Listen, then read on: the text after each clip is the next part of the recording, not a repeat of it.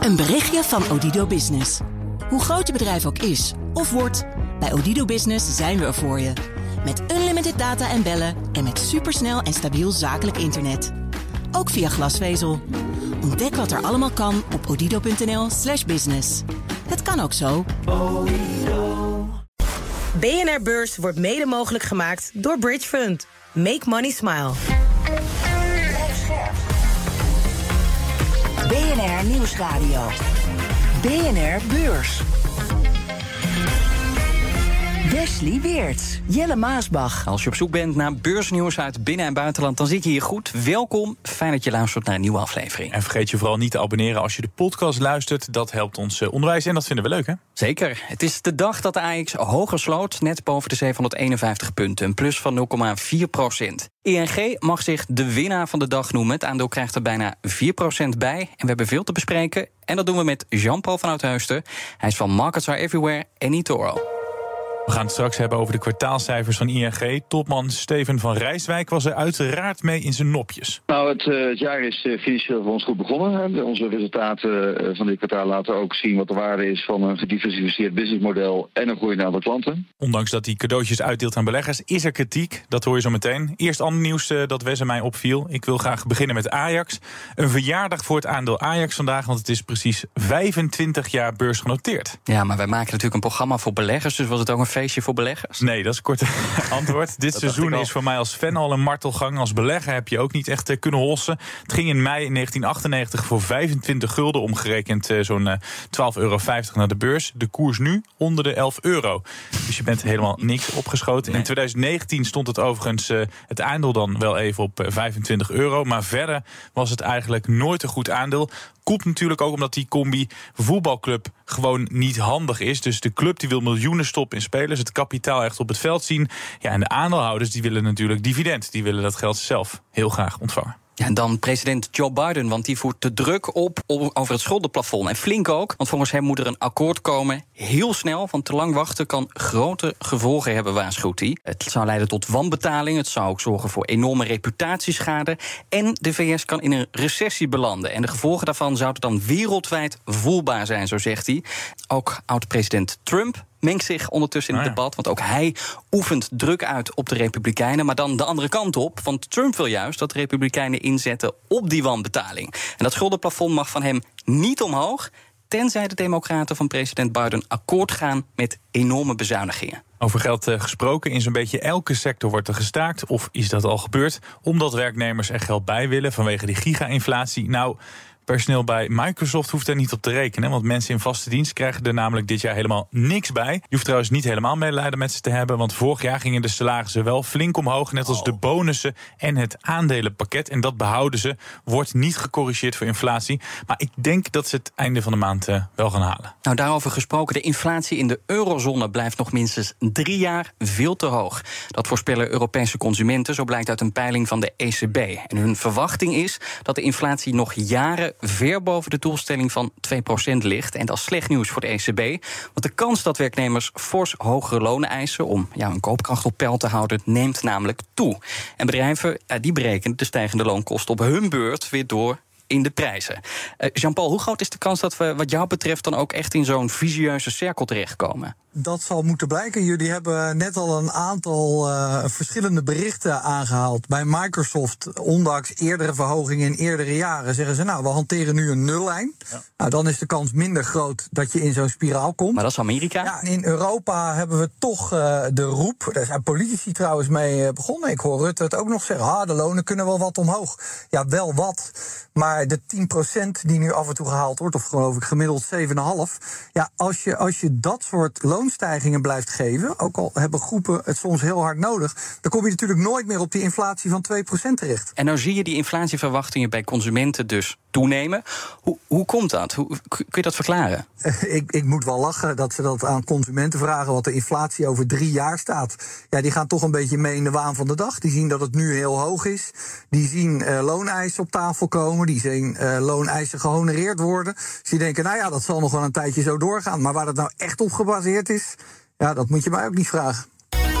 Disney Plus had de Netflix-killer moeten worden... maar het kilt vooral de financiën van Disney zelf. Miljoenen klanten liepen weg en miljarden dollars zijn er verloren. Je hoort zo of Disney nog wel een goede investering is voor je als belegger.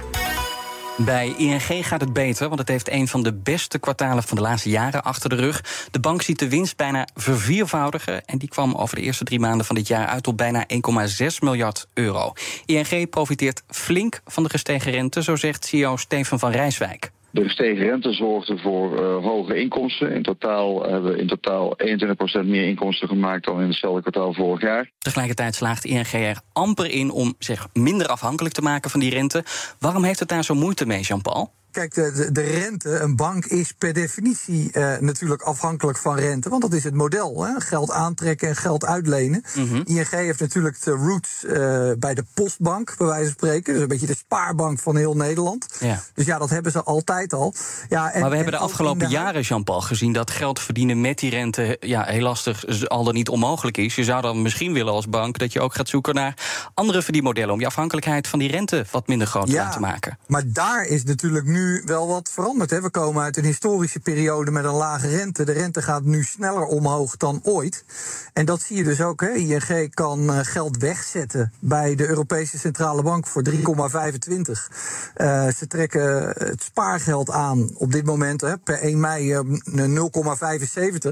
En dan krijgen ze nog, zag je nu uit de cijfers, meer geld binnen dan dat er weggaat. Ja. Dus ja, uh, voorlopig werkt dat wel. En die renteverhoging van de ECB die wordt ook slechts mondjesmaat doorgegeven aan de spaarders.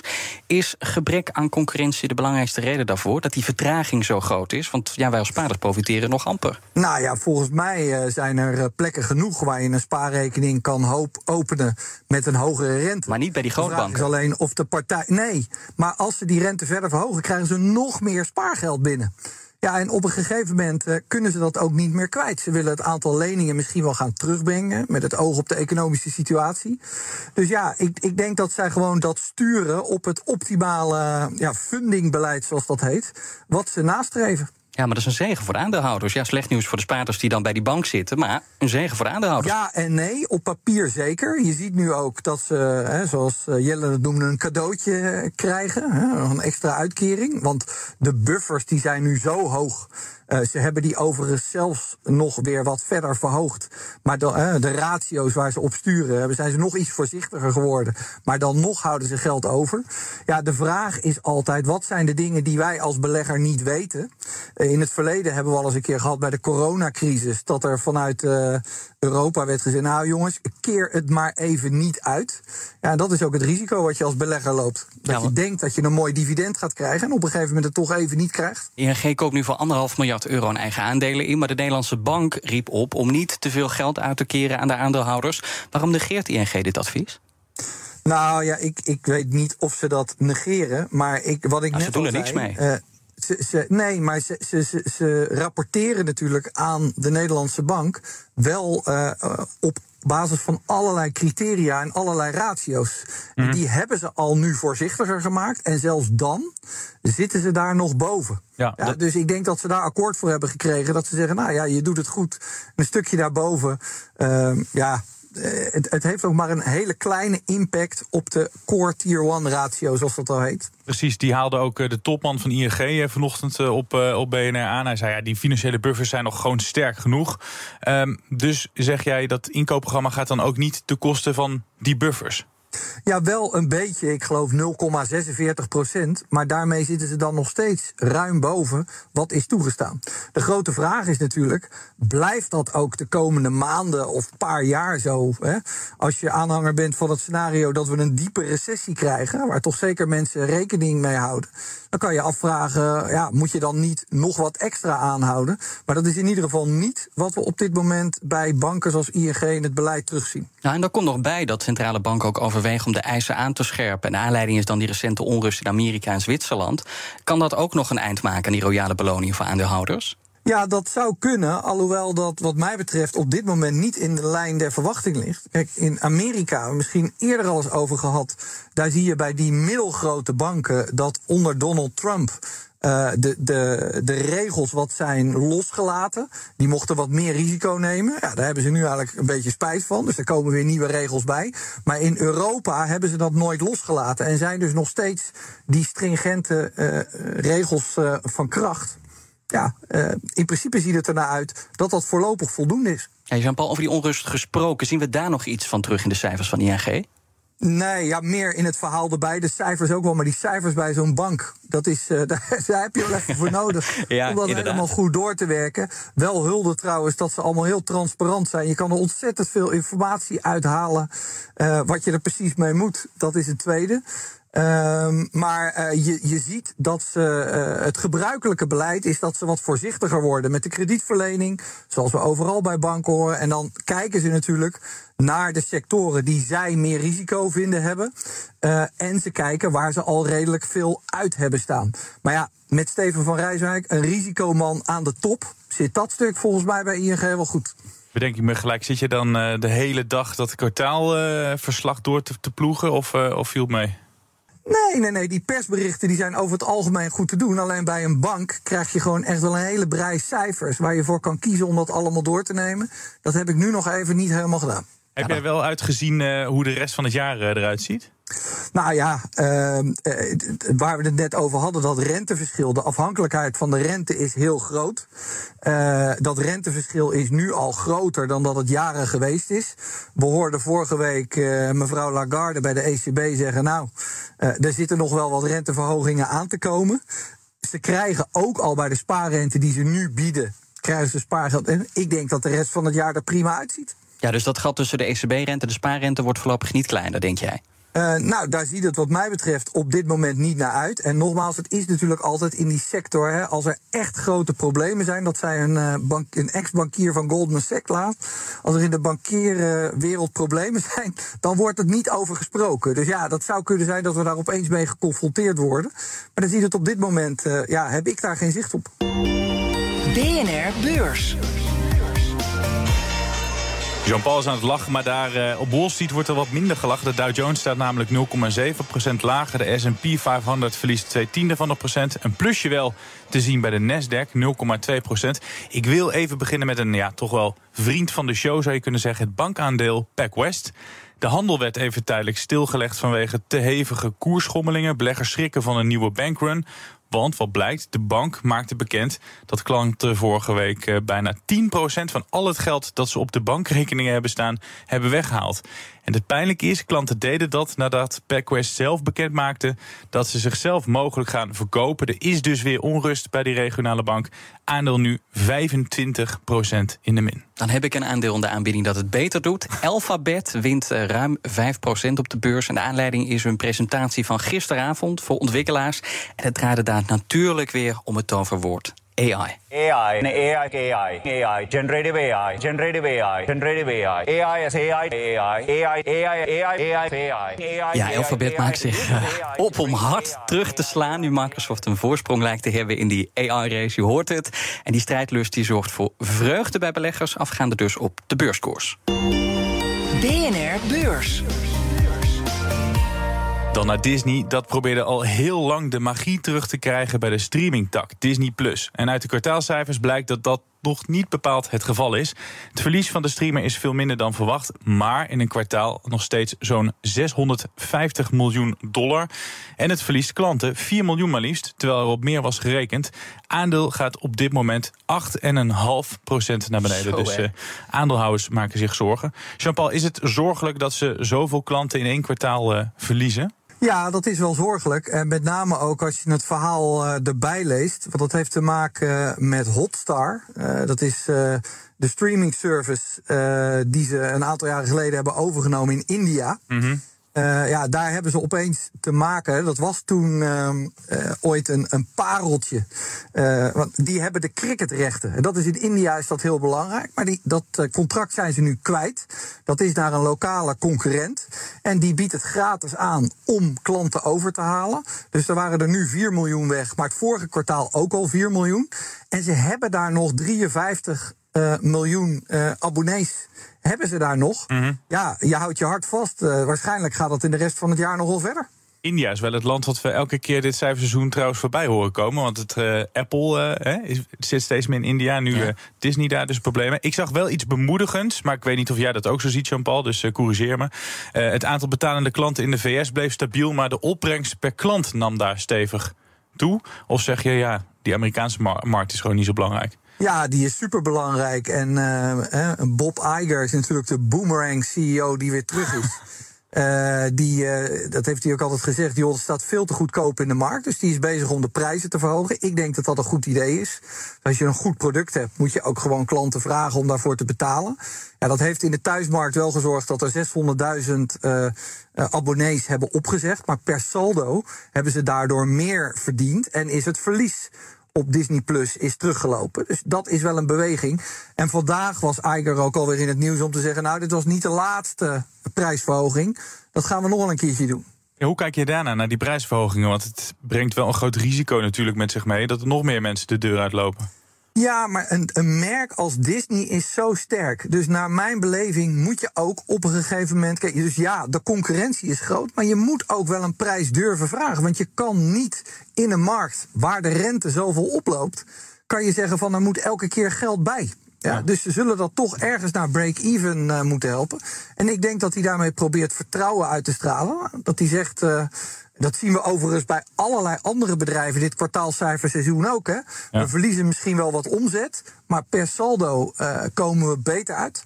Nou, je hebt het over wat geld verliezen. Sinds de lancering, kleine vier jaar geleden, hebben ze al meer dan 10 miljard verloren aan Disney Plus. Is dat het wel waard? Ja, dat is een, uh, dat is een goede vraag.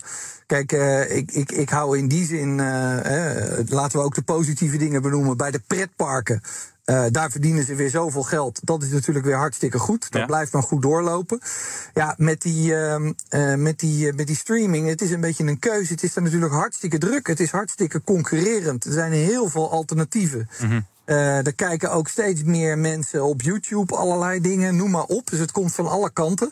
Ja, en dan staan we ook nog aan de vooravond van mogelijk een bepaald soort recessie of economische krimp. Ja, dan is dat wel een moeilijke business. En dat alles bij elkaar verklaart die uh, min 8 van uh, vandaag best wel goed. We hadden het net al over de risico's. Als die concurrentie zo groot is en mensen hebben misschien straks ook minder uit te geven, dan moet je meer gaan betalen voor een dienst dat minder levert. Want er wordt ook minder geïnvesteerd in content. Kijk, ik, ik denk dat Disney wel gewoon dusdanig goede inhoudelijke content heeft dat ze moeten uitvinden hoe precies de verhoudingen moeten zijn. Maar dat uiteindelijk dat er wel gaat komen. Het zou mij toch verbazen als dat niet zo is. Maar met een aantal van die hele grote deals. In Nederland speelt die discussie ook. Hè, met het verlengen van de, van de voetbalrechten. Dat was afgelopen week nog in het nieuws. Ja. Ja, dat zijn natuurlijk wel uh, uh, spannende dingen die uh, van grote invloed kunnen zijn als het in meerdere landen speelt. En Bob Iger haalde je net aan, die is echt als de grote verlosser weer teruggehaald. Hè? Denk jij dat hij het verlies kan ombuigen in winst van, van Disney Plus? Heb ik het dan over? Hij is in ieder geval nu twee kwartalen bezig. Uh, en op basis van deze cijfers maakt hij in ieder geval het verlies kleiner. Mm -hmm. Of hij het helemaal uh, positief gaat trekken en vlot trekken, ja, dat is gewoon nog te vroeg om het te beoordelen. Dat moeten we gaan zien. Ik ben het helemaal eens met wat je net zei. Uh, ze moeten goede content blijven maken. Dat is duur. Uh, daar hadden ze natuurlijk ook nog een tegenvaller. Hè, dat er een staking was bij, uh, ja? bij scriptschrijvers, zeg maar. Dus ja, dat het een, dat het een moeilijke business is. ja, dat is duidelijk. En dan zetten ze meer in op die modellen met, met reclames, wat Netflix ook doet. Is dat slim? Dat is slim, want als je bereik hebt en je krijgt veel mensen langs, daar kan je in ieder geval uh, uh, goed geld verdienen. Dat zien we ook wel aan andere bedrijven. Maar ook daar is de concurrentie uh, natuurlijk enorm. En dat zie je dus ook weer in India. Als je dus zoveel abonnees verliest, is niet alleen het abonnementsgeld, maar ook ja. de advertenties die je weer minder verkoopt. Dus dat is wel het ene effect op het andere. Ze hebben ook nog die televisiezenders, we zouden bijna uh, vergeten. Die draaien minder, nou ja, minder. Omzet met 10% naar beneden, de winst met 35%. Zit er dus nog meer druk op om zo snel mogelijk die streamingtak helemaal goed op de rit te hebben? Heel zeker, want die trend bij de lineaire televisie, ja, dat zie ik niet meer ombuigen. Dus in die zin kunnen ze niet anders. En nogmaals, dan hebben ze in ieder geval die pretparken. Uh, wat toch ook een substantieel deel van het geheel is, dat blijft doorgaan.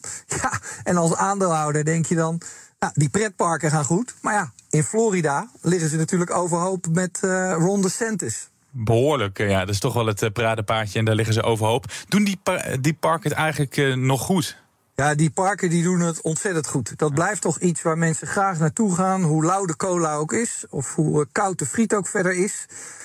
maar dat, dat loopt enorm goed. Ja, ik vind dit bedrijf zelf altijd uh, fascinerend. Maar hoe kijk je er als, uh, als belegger naar? Ben ik wel benieuwd naar. Wat mij betreft, dus persoonlijk, maar uh, zit dit niet in, ehm, in het bakje van de aandelen die je nu moet hebben of waar het snel beter gaat. Het is, ja, ik, ik, herhaal mezelf, maar het is enorm concurrerend. er liggen nog een paar hele moeilijke dossiers in India, in Florida. op lange termijn gaat dat bedrijf echt wel uh, uh, blijven floreren als de tijd weer bezig is. Maar in mhm. een tijd dat we ja, toch wat, uh, wat economische neergang hebben, is dit niet een aandeel waar ik persoonlijk nu naar kijk. Ik heb van analisten altijd geleerd: het is goed als een bedrijf zich niet richt op één tak van sport. Maar ze hebben en bij de streamingtak hebben ze problemen. Ze hebben bij de zenders hebben ze problemen. Bij één van de allerbeste pretparken hebben ze problemen. Dan is het inderdaad wel een aandeel met de nodige probleempjes. Ja, en zeker in de huidige markt. Kijk, ik hoorde je net ook uh, Pack West uh, noemen. Dat is natuurlijk onvergelijkbaar met Disney. Maar dat is ook, weet je, mensen willen rust bij een bedrijf waar ze in beleggen. En ze willen eventueel ook nog wat groei zien. Maar met name rust, want er zijn zoveel bedrijven waar je uit kan kiezen. Ja, en als je dan elke keer langskomt met dit soort issues. Uh, dat zie je ook bij Philips, noem maar op. Ja, dan zijn er toch een deel van de beleggers die zegt: Nou, ik ben niet een belegger voor de lange termijn, maar ik doe de stukken nu even weg. Tot zover de dag van vandaag. Nu wat je morgen als belegger kan verwachten. We hebben gezocht en gezocht, maar deze dag staat er gewoon niet zoveel op de agenda. Wat wel bijzonder is, is dat Toshiba vandaag waarschijnlijk voor het laatst met resultaten komt. Na jaren van problemen en schandalen valt het doek voor het bedrijf. Maar liefst 147 jaar wist het Japanse bedrijf te overleven. En nu valt het ten aan private equity.